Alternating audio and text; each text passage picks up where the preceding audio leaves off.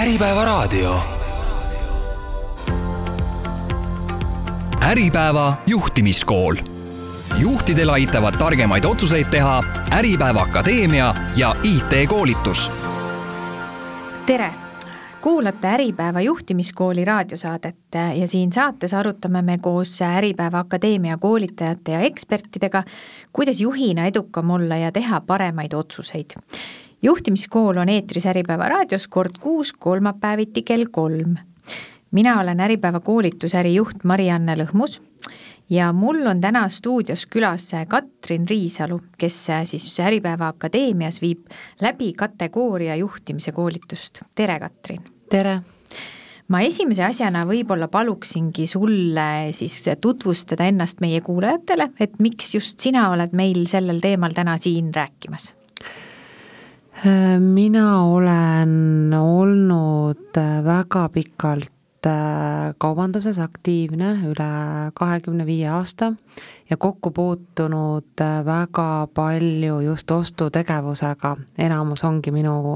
valdavast tööelust olnud tege-, seotud siis ostutegevusega ja sealhulgas ka kategooria juhtimisega. ja ma olen siis seitseteist aastat juba andnud ka erinevaid koolitusi antud valdkonnas ja, ja lugenud väga palju erialakirjandust ja kuna kategooria juhtimist kui sellist väga palju ei õpetata, eh, siis on see omandatud mul nii praktilisel meetodil kui ka teoreetiliselt ja need kokku pandud. Ja ilmselt siis ka on mul olnud võimalus anda seda edasi koolitajana ka teistele huvilistele, kes siis soovivad selles valdkonnas ennast täiendada ja nii ongi see alguse saanud. aga ma võib-olla küsiksingi siis alustuseks, et mis asi see kategooria juhtimine siis üldse on ja miks see jaekaubanduses on sedavõrd oluline? kategooria juhtimine on tegelikult äh, võib-olla populaarsemaks saanud äh, viimase kümne aasta jooksul, rohkem on sellest siis räägitud ja oluline on ta siis kõikidele nendele ettevõtetele, kes tegelevad nii kaubanduses kui ka teenuste osutamisel ja kellel on palju erinevaid tooteid ja kelle jaoks on olulised kliendid ja ja kasum ja hinnastamine ja turundus ja, ja kõik, mis sellega seondub, siis kategooria juhtimine iseenesest aitab, ta on üks selline mudel, mis aitab siis luua sellise süsteemse lähenemise sellesse protsessi ja läbi selle siis äh, luua paremaid tulemusi et, ettevõttele siis aidata nii-öelda juhtida seda ostujuhtimise protsessi, ütleme siis niimoodi, et ta on natukene võib-olla keeruline, aga kunagi alguses ongi see ostujuhtimine on tegelikult igas ettevõttes äh, väga oluline osa, sest et äh, selle kaudu siis liiguvad nii kaubad kui tooted ja mida paremini on see protsess juhitud, seda lihtsam ja võib-olla kergem on ettevõttel saavutada neid tulemusi ja eesmärke, mis nad on enda jaoks seadnud. ehk kui ma püüan seda nüüd võtta võtta nüüd siis hästi lihtsas äh, keeles äh, ise teemast kaugel olles kokku, siis ma saan aru, et me räägime ikkagi sellest, et kui minul on näiteks, äh, oletame, et mul on kaubamaja, et siis kategooria juhtimine on justkui mingi raamistik selle jaoks, et mille alusel minu ostujuhid näiteks valivad sinna fashion korrusele tooteid. on ta siis midagi sellist? jah, need tooted ongi nagu nii-öelda see lõpp, lõpp lõppviimistlus, enne seda on siis need tooted kategoriseeritud erinevatesse rühmadesse, et neid oleks lihtsam hallata, neid on lihtsam välja panna, neid on lihtsam siis äh, analüüsida äh, ja, ja võib-olla ka klientidele nii-öelda segmenteerida. Ja, ja, ja ta on nagu selline noh, ta on nagu niisugune süsteemne mudel, mis aitab siis luua korda nendes äh, Äh, nende toodetes, kuhu nad siis panna, kuidas neid hinnastada, kellele nad loodud on, kuidas need väljapanekud on seatud, noh, ta on nagu kogu süsteem algusest lõpuni, sellest hetkest, kui sa hakkad seda toode, toote peale mõtlema, kuni selle hetkeni, kui seda ära müüd ja kõik, mis sinna vahepeale jääb siis. Kas see on kuidagi rahvusvaheliselt ühtlane, ma mõtlen, et meil on ju olemas need äh, nii-öelda tootekoodid, mida siis noh, kuni tolli tasemel kasutatakse, et kas, kas see ma ei tea, purgisupp on kõikides kauplustes siis sama kategooria toode või see on ikkagi iga ettevõtte oma süsteem? no igal ettevõttel on tegelikult oma noh, ma ei oska öelda, kas see on standard või niisugune reegel, kuidas ta neid kategooriaid loob. võib-olla mõnes ettevõttes on see purgisupp niisugune äh, kiirtoit, aga teises ettevõttes on ta näiteks mingi valmistoit. et see on täpselt, iga ettevõte loob endale need kategooriad iseseisvalt. selleks, et paremini aru saada, eh, kuhu need tooted kategoriseerida, noh näiteks kui sul on, ma ei tea, see purgisupp, on ju, ja sul tuleb mingi teine toode, mingi seenekaste, siis küsimus ongi, kas nad kuuluvad ühte kategooriasse või nad on kliendi jaoks täiesti kaks erinevat eh, toodet. oluline on see, et kui klient tuleb poodi, siis tema peas hakkab äh,, hakkab nii-öelda mängima mõte, et äh, oh, ma tahaks osta täna näiteks seda purgisuppi, kuhu ma peaksin nagu üldse liikuma seal poes. et, et äh, et see on nagu oluline, meie peamegi mõtlema see, seda, kuidas kliendil oleks lihtsam leida need tooted poest ülesse ja selle järgi ka kategooriasse panna, et võib-olla väga sageli noh, olete ka ise võib-olla sattunud poodi ja mõelnud, et ah, ma tahaks osta seda toodet, on ju, aga kuhu ma siis tegelikult pean oma sammud seadma. ja mida loogilisemalt on kaupmees need tooted sinna kategoriseerinud, nii nagu mõtleb seda klient, ostja siis seda lihtsam on ostjal ka leida need tooted üles ja seda tõenäolisem et kaupmees saab raha selle toodete eest, on tal võimalus need maha müüa. ja kaupluste lõikes on sageli need tooted väga erinevalt ja see on tingitud ikkagi kaupluse või sellest, selle ettevõtte oma strateegiast, kuidas ta seda teeb, see ei ole nii, et meil on, ma ei tea, sada erinevat toidupoodi näiteks ja kõikides on nad ühtemoodi, siis ei ole nagu need poed enam eristuvad, igaüks loob oma süsteemi, oma mugavuse ja hoiab sellega enda juures klienti, selleks et klient ei läheks mujale, kuna seal ta ei leia neid üles ja nii edasi. et noh, see on nagu kogu selline süsteem, mis tuleb äh, algusest peale nii-öelda korrastada, selleks et neid klientidelt rohkem nii-öelda raha kätte saada jah, eks olen isegi kokku puutunud sellega, et, et kui Rimi on kodupood, siis sa tead täpselt, mis järjekorras tooted on ja kui kusagil on uus kauplus, mis on teise kujundusega või midagi tõstetakse ümber, et siis oled seal pea laiali otsas. aga me ei räägi ju tegelikult ainult füüsilistest kauplustest, vaid seesama kategoriseerimine on ka e-poodides ju väga oluline jaa, see tegelikult on igal pool oluline, ta on ka teenustes näiteks oluline, aga siis see e-pood on täna juba väga laialt levinud, igal ettevõttel on võib-olla mingi väike e-pood ja see, kuidas seal e-poes ka leida neid tooteid, on ka väga oluline. et see kategooriate loomine ka seal, et inimene leiaks selle toote äh, õigest kohast või kiiresti ülesse, kõigil on ju meil tänapäeval väga kiire,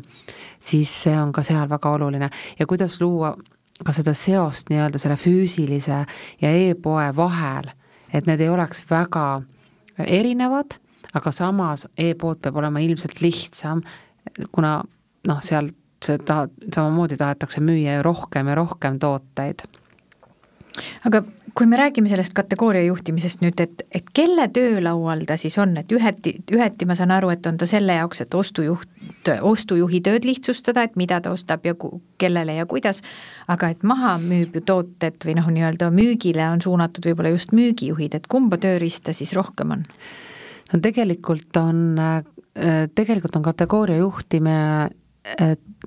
ei ole nagu tööriist, ta on nagu mudel mm, ikkagi ostjale, et aru saada sellest, millised on need õiged tooted ähm, klientide jaoks, et äh, see hakkab kõik pihta tegelikult äh, sellest ettevõtte strateegiast, võib-olla isegi hakkame sellest pihta, et milline on see ettevõtte strateegia, mida ta tegelikult üldse tahab saavutada, kuhu ta tahab jõuda, mida ta tahab saada ja, ja sellest siis lähtuvalt minnaksegi edasi nende kategooriate loomise peale, kui laialt neid on vaja luua. Aga see ei ole see, et ostuinimene nagu üksinda seda veab algusest lõpuni, väga oluline toetus peab olema ka teistelt osakondadelt, et äh, müügiorganisatsioonil, nii turundusorganisatsioonil ja nii edasi. Et nendel kõigil on oma mingi roll, see tähendab, et ettevõttes on oluline, et kõik teaksid äh, seda protsessi, mitte see ei oleks ainult nagu ostuvaldkonna protsess. et kui me teame, et tegelikult ostuvaldkond on see, mis toodab meile tulu, ülejäänud osakonnad võib-olla turundus on kulu, siis see tulu on ju väga oluline selleks, et neid kulusid äh, katta. ja, ja kui see on õigesti tehtud, siis seda tulu on ju rohkem. ja, ja see tööriist, võib-olla see tööriista nagu teadlikkus peaks hakkama ikkagi kõige kõrgemalt pihta, kui ettevõtte juht äh, saab aru sellest, et see, mis on oluline, et see on oluline nii-öelda mm, oluline ostu ja kõigi protsesside juhtimisel, äh, sii-, ja ta saab sellest väga hästi aru, siis tegelikult nendel ettevõtetel lähebki täna hästi kas äh, juhi vaates, kas piisab sellest, et ta annab selle indikatsiooni ettevõttesse sisse, et see on miski, millega me peaksime tegelema ja võib-olla selle töösse panema ja looma selle süsteemi, või ikkagi ettevõtte juht peaks äh, nii-öelda ka mõistma selle mudeli olemust ja sisu, et kuidas see käib ja kuidas seda kasutatakse? Ähm, mina isiklikult arvan seda, et, ähm, et et äh, selleks, et olla hea juht, sa pead väga palju protsesse teadma, kuidas need toimivad ettevõttes, sest et see sõnakategooria juhtimine võib olla selline tuntud sõna, seda kasutatakse igal pool, sellest räägitakse väga palju, aga mida nad ta nagu päriselt tähendab, peaks äh, ettevõtte juht olema teadlik selleks, et äh, aru saada kui oluline see on nendele inimestele, kes sellega igapäevaselt tegelevad. sest sageli on nii, et, äh, et meil tuleb uus inimene ja teda õpetab välja keegi teine inimene, kes on oma tööprotsessides võib-olla ka õpetatud välja kellegi poolt, aga kellel ei ole tegelikult aimugi sellest, kuidas need protsessid algusest lõpuni peaksid käima Äh, juhul, kui need ei ole kuidagi paberitega väga reglementeeritud ja kuskilt emafirmast välismaalt ette antud, aga meil on Eestis väga palju ettevõtteid, kes on kohalikud ettevõtted ja nende know-how piirdubki tegelikult selle kohaliku turu järgi või nad on jälginud kuidagi, keda, keegi on midagi teinud ja siis nad on järgi teinud. ja, äh, ja sageli tehakse neid äh, töid noh, inertsist, võib-olla sellepärast, et nii on alati tehtud ja nii tehakse, aga see oluline osa unustatakse ära. Ja, ja, ja sellele hakatakse võib-olla tähelepanu pöörama siis, kui on juba võib-olla ei ole enam müügid nii edukad, äh, siis alati on süüdi ju võib-olla see ostuosakond äh, või siis müügiosakond või mis iganes, aga tegelikult on süüdi see protsess, kus on jäänud midagi märkamata ja mida tegelikult annaks, äh, annaks parandada, võib-olla kui oleks need teadmised või oleks vähemalt äh, see süsteemsus äh, teada, kuidas edasi minna mingis osas. ja see annab ka siis selle lihtsuse nii-öelda uute inimeste pardale toomisel, eks ju, et nad teavad kohe. jah, ma arvan, et äh, iga uus inimene, kes on võib-olla värvatud ettevõttesse, ma ei tea, ostuosakonda, võiks läbida selle elementaarse koolituse, et aimu saada sellest, äh, mida see endast kujutab ja mis on minu võib-olla sellised tööülesanded, aga oluline on ikkagi see, et ettevõtte juht toetab seda selles protsessis, et see on üks samm selleks, et saada edukaks võib-olla kategooria juhiks või ostujuhiks, äh, et ta on nagu hea teadmiste pagas, kuidas minna edasi, sest et see, et keegi mulle ütleb, et tee seda, teist ja kolmandat, siis see ongi see, mida iga päev tehakse, aga see ei ole see süsteemsus, see on lihtsalt see töö, mida me iga päev teeme sa mainisid korra, et paljudel ettevõtetel tuleb see nii-öelda rahvusvaheline standard või tuleb see juba mujalt sisse, aga et kuidas sa hindad, et kuidas Eestis muidu see seis meil on selles kategooria juhtimises, et milline see tase on või, või kus on need äh, puudujäägid? Noh, üks asi on see noh, välismaa standard, mis sisse tuuakse, teine asi on see, et mis toimub siin Eestis, ega iga riik on ju tegelikult oma olemuselt väga erinev ja, ja selleks, et siin edukalt et midagi läbi viia, pead sa teadma ka seda kohalikku nii-öelda olemust ja turgu ja ja, ja, ja toimetamisi. kategooria juhtimise tase Eestis, võib-olla ma sõnastaksin nii, et ähm, et see, see ei ole nagu halb või ta ei ole nagu, aga, aga kui mul on koolitusel käinud inimesi ja ma olen küsinud alati, et et kui palju te teate näiteks kategooria juhtimisest, siis ütleme siis üle poolte alati ütleb, et jaa, et me teame, et me oleme nagu sellega väga palju kursis, aga noh, me tulime lihtsalt vaatama, kas me saame midagi siit koolituselt uut. aga kui nad ära lähevad või, või selle koolituse käigus ma olen aru saanud, et tegelikult, et see on, tegelikult need teadmised on nagu teistsugused, mis, mida nad, mina olen neile nagu andnud, et et võib-olla see tase on selline keskpärane äh,, sellega ei juhtu küll midagi ettevõttes, ettevõte ei pruugi minna pankrotti ega midagi, aga et paremini teha, et kategooria juhtimise üks selline võib-olla eesmärk on tegelikult toota suuremat kasumit, toota suuremat marginaali ja müüa rohkem tooteid. ja, ja seda väga lihtsate lahenduste ja, ja need on nagu need asjad, mida võib-olla oleks hea teada kõigil. aga kuna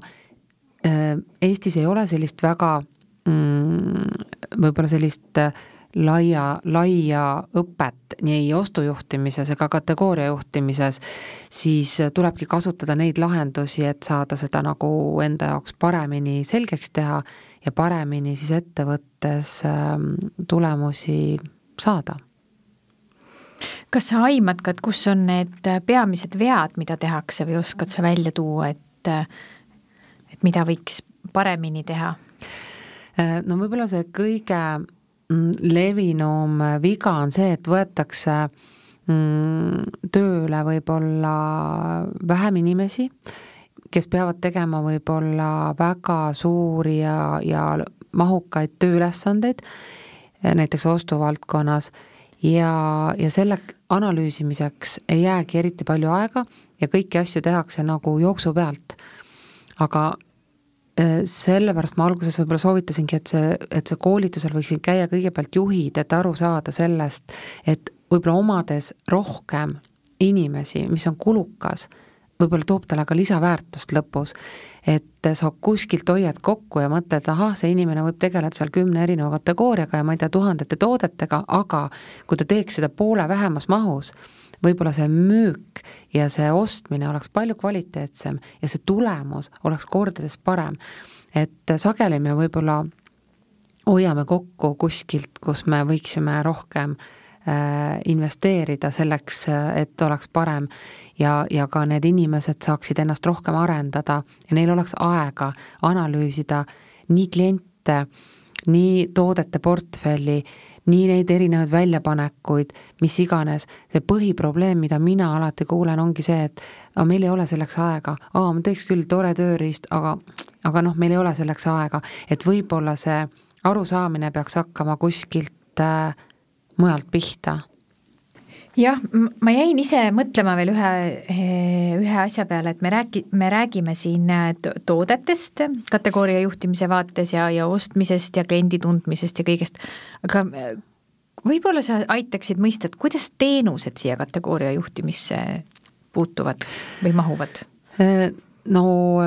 ega siis kategooria juhtimine ei ole ainult, need kategooriatesse ei kuulu ainult tooted, sinna võivad kuuluda ka teenused. et ka näiteks ettevõte, kes müüb erinevaid teenuseid, eh, võib samamoodi kategoriseerida neid nagu tooteidki. Eh, kategooria juhtimist lihtsalt kasutavad väga laialdaselt kaubandusettevõtted, aga neid võivad kasutada ka teenuseid pakkuvad ettevõtted, tootmisettevõtted, et, eh, et see on tegelikult palju laialdasemalt kasutusel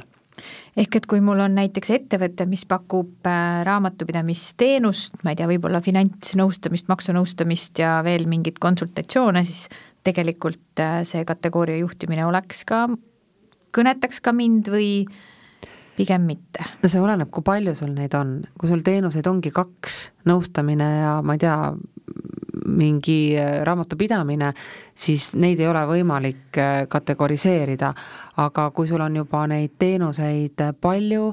ja neid ongi võimalik erinevatesse, ma ei tea, kategooriatesse panna ja paigutada ja nendega teha erinevaid tegevusi, siis, siis küll, aga, aga see olenebki sellest ettevõtte profiilist ja, ja ettevõtte sisust. et pigem on see ikkagi äh, mõeldud nendele ettevõtetele, kellel on äh, rohkem tooteid, rohkem valikuid ja, ja neid on vaja iga selle nii-öelda tootega või selle tootekategooriaga on vaja tegeleda väga detailselt. et jah, niisugused üksikud teenused ilmselt nendega saab hakkama ka ilma kategooria juhtimiseta aga kui meil on siin äh, suur osa detailidel ja suur osa analüüsil, et siis võib-olla ma küsingi, et et kuidas see digitaalne transformatsioon on seda kategooria juhtimist nüüd mõjutanud või kuidas, kas, kas ai teeb meil juba midagi ära? Ehm, jaa, muidugi teevad ära igasugused äh, programmid, äh, mis on ka loodud võib-olla mm, analüüsima erinevaid müüke, annavad tegelikult hea tulemuse, aga siin ma tuleksingi tagasi selle juurde, et kui ettevõte, mis on ettevõtte strateegias ja kui ettevõtte strateegia on paika pannud, et me tahame pakkuda võib-olla ma ei tea, erinevatele kliendigruppidele tooteid siis see ai ei tea neid, neid nii-öelda neid kliente, näiteks kui meil ongi eh, rohkem inim-, aina üha rohkem inimesi selliseid, kes tarbivad võib-olla eritoitu, võib-olla nad on, ma ei tea, on rohkem võib-olla pensionäre või on rohkem äh, lastega peresid, siis, ja nad ostavad väga spetsiifilisi asju, siis see analüüsimeetod e eemaldab tegelikult need tooted, mida müüakse ju vähem, on ju, ta jätab ainult ettevõttele need tooted, mida müüakse rohkem, aga kategooria juhtimine aitab tegelikult analüüsida kõike seda nagu tervikut ja, ja võib-olla segmenteerida neid kliente äh, selle järgi. Ja, ja ka neid tootekategooriaid selliselt, et nad ei jääks tähelepanuta, sest et iga, äh, iga ettevõte tegelikult täna äh, noh, me võime kõik, kõik poed, Eestis on ju, ma ei tea, tuhandeid poode ja nad kõik müüvad, eh, ma ei tea, piimatooteid, on ju, et vahet ei ole kliendil, kuhu poodi ta läheb seda piima ostma tegelikult, aga meie tahaksime ettevõttena, et ta tuleks meile seda ostma, aga ta tuleb võib-olla meile seda ostma ainult siis, kui me pakume talle veel midagi sellist, mida teises poes ei ole. Ja, ja need ongi need tavaliselt, mida need analüüsid välistavad, sest need tooted müüakse vähe, nad ei ole olulised ettevõtte jaoks, ta ei too talle võib-olla väga suurt kasu, aga kliendi jaoks on need olulised. ja kui ta tuleb selle toote pärast, siis võib-olla ta tuleb sinna jälle, jääbki käima ja ostab kogu aeg sealt, et see on nagu äh, alati küsimus, et mida me nagu päriselt tahame, kui meie strateegia ettevõttes on see, et müüa võimalikult vähe tooteid äh,, et oleks lihtne lahu majandada ja kõike seda, on ju, ja me tahame olla nagu üks nendest tuhandest eh, sarnasest poest või me tahame olla üks eristuv ja, ja, ja teistsugune pood, eh, kes siis võtab võib-olla need kliendid, kellel on võib-olla rohkem raha, võib-olla kelle, keda huvitab laiem valik, parem valik ja, ja võib-olla teine miljöö, siis see on, see ongi see küsimus mida tänapäeval siis tegelikult äh, kliendid tahavad kui me räägime nüüd sellest, mida kliendid tahavad, et siis äh, viimastel aastatel on olnud ju meil väga palju hinnatõuse ja toiduketid on siis ka äh, sellest lähtuvalt pidanud oma sortimente muutma, et just pakkuda seda rahakotisõbralikumat valikut rohkem. Et kui oluline on kategooria juhtimises see hinnakomponent ja kui palju sellega peab arvestama või kuidas see mõjutab kogu seda süsteemi? no kategooria juhtimine tegelikult ise on ju seotud ka selle hinnastamise mudeliga, hinnastamise strateegiaga, et et kõik need on üks oluline osa selle juures samuti. Ja see, et kliendid ostavad odavamaid tooteid, võib-olla nad ostavad pigem vähem, aga nad ostavad kvaliteetsemaid tooteid. Ja võib-olla see, et tehakse valik ja ostetakse sisse võib-olla odavat toodet, võib-olla see ei olegi alati kliendi eelistus, pigem võib-olla ta tahab saada vähem, aga võib-olla kvaliteetset või eristuvat toodet, et ta võib-olla lubab endale ka midagi teistsugust. Äh, ja, ja, ja otsib ka tänu sellele kohti, kus neid saada, sest täna ju käivad inimesed igal juhul ju edasi,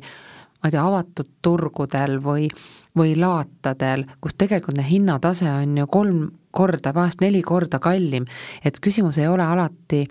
selles hinnas, vaid alati on, vahest on küsimus ka selles valikus, mida pakutakse. ja, ja kui sul on nagu võimalus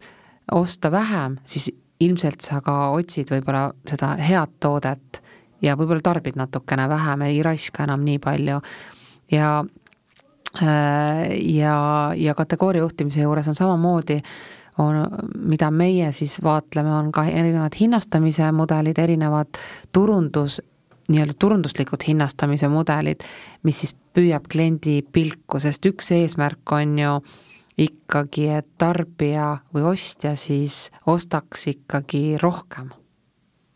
Noh, see on nagu ikkagi ju äriinimestele ju oluline, et ta ei ostaks mitte ühte, ostab kaks või ta ostaks, tuleb ühe toote järgi ja ostab kolm, et, et need on nagu need asjad, mis on olulised või et ostab kallima toote, see vist läheb ka sinna? no jaa, erinevad variandid on, sest et ühes noh, on olemas ju strateegiad, kus sa pakudki võib-olla ühes segmendis ühte toodet ainult, et tal ei olegi nagu valikut ja kui tal ei ole valikut, siis ta võib-olla ei vali seda või sul on see, et sul on nagu valik erinevatest hinnaklassidest ja siis ta saab valida, kas ta võtab odavama, keskmise, kallima või väga kalli, et siis ta saab seda võrrelda, seda noh, siis sisu või seda ma ei tea, mis iganes nad, ta siis seal paki peal võrdleb ja saab oma otsuse langetada. et, ähm, et need on nagu need, need, mida me siis ka vaatleme seal kindlasti me arutasime siin esimese poole lõpus, et kategooria juhtimise eesmärk on siis müüa siis kas rohkem tooteid või kallimaid tooteid, et, et saavutada ikkagi edu või nii-öelda tuua seda kasu. aga et kui palju mõjutab seda kategooria juhtimist ka see üldine nii-öelda see roheline mõte, mõtteviis või kogu see ESG formaat, et, et seal on ju ikkagi rõhk väiksemal tarbimisel ja ainult vajalike asjade tarb-, tarbimisel, et ja ringmajandusel ja jätkusuutlikkusel, et, et kuidas see siia mudelisse mahub? no meie vaatleme ikkagi seal ju ainult neid tooteid, mida siis osta, et see, kuidas ettevõte Mm, nii-öelda seda ringmajandust ja rohelist mõtlemist äh, mõtlemises kaasa mõtleb või teeb, äh, see on iga ettevõtte oma strateegias kirjeldatud, et kui see on oluline, siis ta on oluline osa sellest, aga meie vaatame neid tooteid, see, kuidas ta sobitub sinna tema nii-öelda portfelli, on juba selle ettevõtte edasine noh, nii-öelda plaan. Et äh, kui need tooted peavad olema kõik rohelised, mis seal on, tema portfellis, siis nad on rohelised, kui nad ei ole rohelised, siis nad ei ole, et et ma arvan, et see on juba nagu see sisu, mis on konkreetse ettevõtte sisu, et mina saan õpetada seda mudelit, aga see, kuidas seda kohandatakse oma toodetega sinna portfelli, on juba iga ettevõtte oma nii-öelda töö ja tegemine. et ei pea kartma, et kui võtad selle mudeli kasutusse, et siis pead äh, ainult neid asju, mis müüma, mis võimalikult odavalt kätte tulevad ja kallilt välja lähevad, vaid et ikkagi see on iga ettevõtte enda nägu see on strateegia, see on nagu selline plaan või see on nagu tööriist või selline projekti juhtimine või kuidas seda nagu lihtsamalt ja mitmekülgselt selgitada, et äh, noh, nii nagu me juhime mingeid erinevaid projekte, et me alustame selle projektiga, siis me läbime need erinevad etapid selleks, et jõuda resultaadini ja, ja siis, kui vaja, lähme tagasi sammukene või hakkame kuskilt otsast peale, et täpselt samamoodi käitub see kategooria juhtimine, et ta on lihtsalt selline tööriist, mida, mida on hea jälgida või teada selleks, et oma toodete või tegemistega seda kohandada et ta ei ole nagu konkreetne, et, et nüüd on üks ettevõte, et tal on vaja ainult ühte suunda, et tema peab ise kohandama selle mudeli oma eh, nii-öelda suunda eh,. mina saan anda ainult juhiseid selleks, kuidas paremini majandada, millised on need eh, praktikad, mida kasutatakse edukalt ja, ja mis on need siis tööriistad, mida siis mudeldada enda süsteemi kas sa oskad tuua mõnda head näidet, mõnda innovaatilist praktikat, mida siis kasutatakse kategooria juhtimises või jaekaubanduses, mis on edu toonud? no üks asi on see, et äh, päris algusest peale siis tuleb hakata ikkagi looma seda strateegiat, äh, kuhu suunas liikuda. sul peab olema mingi plaan selleks, et äh, midagi teha. Ja me ei saa lihtsalt hakata kuskilt pihta. Ja edukad on need, kellel on see plaan ja kes jälgivad seda plaani ja, ja kes kasutavad võib-olla äh, mingit kindlat äh, mudelit ja viivad selle lõpuni äh, ja neil on aega seda teha, et, et et nad võtavad selle aja või võtavad kellegi inimese, kes aitab siis analüüsida ja aitab siis kaasa mõelda võib-olla seda, mis on puudu, et kuskilt tuleb alustada ja need edukad ettevõtted, kes on suutnud võib-olla oma ma ei tea, kasumit või marginaali äh, parandada nii, et seda ei ole võib-olla äh, tar-, või tarbija ei ole sellega väga palju kannatada saanud selle põhjal, et kõige lihtsam on ju mingit noh, müügihindu tõsta, aga proovi näiteks äh, marginaali või kasumit parandada nii, et sa võib-olla ei tõsta seda müügihinda, vaid sa kohandad äh, Äh, kohandad äh, muid tegevusi selle juures, et, ähm, et, et need ongi need keerulisemad asjad, mille peale võib-olla mõelda või millele tähelepanu juhtida. Kas meil on ka mingid mõõdikud, mida siis saaks kasutada, et aru saada, kus me täna oma ettevõttes selle kategooria juhtimise tasemega oleme? no need mõõdikud on äh, kõik genereeritavad vastavalt ettevõtte Äh, soovile, et äh, kui mul on täna näiteks äh, vähe kliente, et oletame, et mul käib täna päevas sada klienti, siis ma pean seadma endale ju eesmärgi, on ju, et ma tahan, et mul käiks sada kakskümmend klienti. Ja see ongi see mõõdik, mis mul on, kus ma olen täna ja see on teine mõõdik, kus ma olen teel, et kuhu ma tahan jõuda. ja, ja kategooria juhtimine siis aitakski mõelda, et millised on need olulised kohad selle juures ja, ja millised on need protsessid, mida ma pean siis selleks tegema, sest kui me mitte midagi ei tee, siis meil mitte midagi ei juhtu, et sageli võib-olla ongi see, et et, et järgmise aasta tavaliselt uue aasta eelarvet eh, kohandad, kohandavad ju või panevad paika omanikud, et oh, järgmine aasta võiks kasvada nagu kümme protsenti, aga noh, need ongi need numbrid. aga kuidas, ei ole ju nii, et esimene jaanuar saabub ja kohe on hops kümme protsenti kasvu, sa pead selleks juba tegema väga pikalt eeltööd, eh, selleks, et seda kasvu hakata eh, saama ja need tegevused, mis selle käigus siis tuleb välja mõelda, ongi selle protsessi üks osa. ja need puudutavad neid mõõdikuid, et kui me seame endale mõõdikud ja vaatame, kus me täna oleme, kuhu me tahame jõuda ja mõtlemegi, kuidas me sinna saame jõuda, mis on need tegevused, mis me peame kohandama, võib-olla me peame tooteid vähendama või me peame kategooriaid juurde tegema, võib-olla me peame vaatama regiooniti, kus me täna asume, võib-olla meil on täna ma ei tea, üks valik kõikides linnades, aga, aga võib-olla mõnes linnas ei ole näiteks sellele turgu sellele kategooriale, et kuidas kohanduda kliendiga, see on nagu täna küsimus ja võib-olla üks see KPI võibki olla ka see, et meil on nii-öelda erinevad KPI-d ka piirkonniti, võib-olla rahvuse järgi, et, et mis iganes, et kust pihta hakata. et need KPI-sid on loomulikult näiteid võib tuua väga palju, iga ettevõte siis kohandab need vastavalt sellele, mis on tema jaoks oluline selles ajas kui sa rääkisid, et regioonide põhiselt, et me põhimõtteliselt räägime siis sellest, et sul ei ole võib-olla mõtet Mustamäe kortermajade keskel väetist müüa, kui näiteks Paide linnapiiril on see väga õigustatud koht? just. ma küsin võib-olla veel, kui me räägime kategooria juhtimisest, et kui sa vaatad tulevikku, et mida trendid sinna toovad või kas on midagi uut äh, kusagilt terendamas, millest siis äh, ostujuhid või, või ettevõtete juhid peaksid teadma või millega ennast kurssi viima?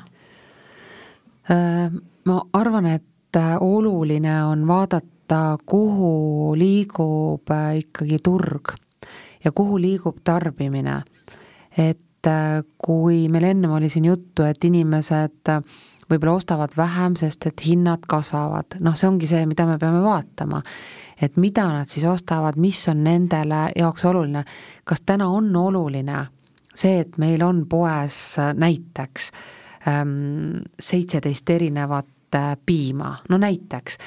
kas see on tarbija jaoks lai valik või see on nagu lihtsalt koha raiskamine. võib-olla piisaks, ma ei tea, kaheteistkümnest, võib-olla seda on ka juba nagu palju, et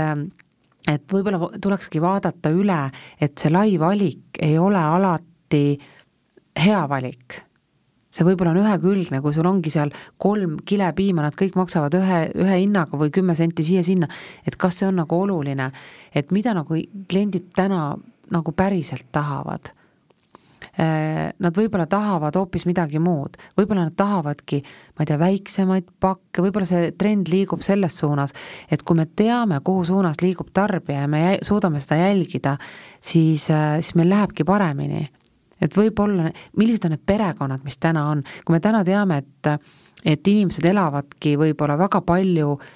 üksinda, neil on, ei ole võib-olla sellist nagu klassikalist perekonda, ema, isa, kaks last, nagu vanasti oli, võib-olla tänapäeval ongi trendid teistsugused, kas sul on suur pere või sa elad üksinda. et, et kuidas luua nende jaoks see keskkond poes selliseks, et ka nemad saaksid need olulised asjad kätte. et nad ei pea mõtlema selle peale, et aa, et ma ei saa seda tervet liitrit osta, sest et ma ei tarbi seda mitte kunagi ära. Aga noh, väiksemat ei ole, sest see pole võib-olla kasumlik võtta. Aga võib-olla sellel on tarbija. et ma arvan, et me peame vaatama täna selles suunas, kuhu liigub turg ja kuhu liiguvad need äh, kliendid, äh, need trendid, äh, milline on üldse see muutus siin, mida nad üldse söövad ja mida nad tahavad selga panna ja jalga panna ja nii edasi. Ehk tegelikult on see miski, mida tuleks kaasata ettevõtte äriprotsessidesse juba päris algusest, ehk et ettevõtte nii-öelda loomise või algfaasis oleks oluline see kategooria juhtimine juba oma süsteemidesse integreerida, ehk et kui me hakkame seda kauplust ehitama või planeerima, siis me teeksime selle juba sellisel kujul, et need on läbimõeldud otsused ja valikud. No see oleks nagu hea, kui ettevõtte algloomiselt, aga kui see ettevõte on ka olemas juba, on tegelikult see süsteem võimalik ka ümber äh, kohandada ja muuta, et äh, et see ei pea olema see, et ma nüüd hakkan ettevõtet looma, ilmselgelt on alguses selle peale võib-olla mõeldakse vähem aga, aga, aga, aga siis, kui see ettevõte juba toimib, ka siis võib teha tegelikult muutused ja muutuseid ei tasu teha siis, kui hakkab minema allamäge, vaid muutusi tasub teha siis, kui läheb juba veel hästi, aga selleks, et mitte nii-öelda selle majanduslangusega kaasa minna, tuleks juba mõelda tegelikult selle peale, et neid, neid protsesse muuta. Ja ma tõesti Äh, soovitan alati äh, ikkagi ettevõtte juhtidel kõigepealt sellest aru saada, sest kui ettevõtte juhi taust on näiteks ma ei tea, müügiinimene või turundusinimene, siis ta ei pruugi saada sellest äh, ostupoolest aru. ja, ja, ja hea oleks, kui noh, kõigepealt võib-olla ta suudaks ennast kurssi viia sellega, mis peaks seal toimuma, selleks et aru saada sellest, mida need inimesed, kes sellega igapäevaselt kokku peaksid puutuma või puutuvad, et nad edukalt sellega samas vaimus edasi viivad ehk et kui me nüüd õhtul oma lemmikpoodi minnes avastame, et asjad on ümber tõstetud, siis on kategooria juhtimine teinud oma tööd? no ilmselgelt on see esimene viga, sest et kui, kui kliendid mär-, ei leia oma lemmikkaupa, siis nad ei, ka ei osta. et kui seda teha, siis seda tuleb teha väga ettevaatlikult. et iga ümbertõstmine mõjutab kliente väga stressirohkelt et pigem ma selliseid muudatusi ei teeks, aga ma prooviks vaadata sinna sisse, kas mul on selliseid kaupu, mida ta ostaks nagu veel juurde. Ja kui neid muudatusi teha, et üks kategooria teise kohta viia, siis neid äh, peab äh, selle kliendile äh, sellist teavitust tegema, et ta ei saaks pahaseks ja et ta märkaks, et ta lemmikkaup on uude kohta liikunud, sellepärast et võib-olla tal on vaja rohkem ruumi ja ta, talle pakutakse suuremat valikut. aga kui me proovime nüüd selle Äh, tänase saate kokku võtta ja mõtleme sellele, et, et meie kuulajateks on juhid, ettevõtte juhid, et siis äh, mis on need olulised asjad, et kui nad nüüd, oletame, et neil tärkas see mõte, et oh, et minu, minu ettevõttes oleks seda vaja, aga me seda veel ei rakenda, et kuidas siis hakata teele minema nende teemadega? No mina ettevõtte juhina võib-olla mm, kui ma oleks ettevõtte juht, siis ma kõigepealt, äh, ma ilmselgelt arvaks, et me teeme seda kõike aga, aga võib-olla äh, tuleks vaadata, kuidas me seda teeme.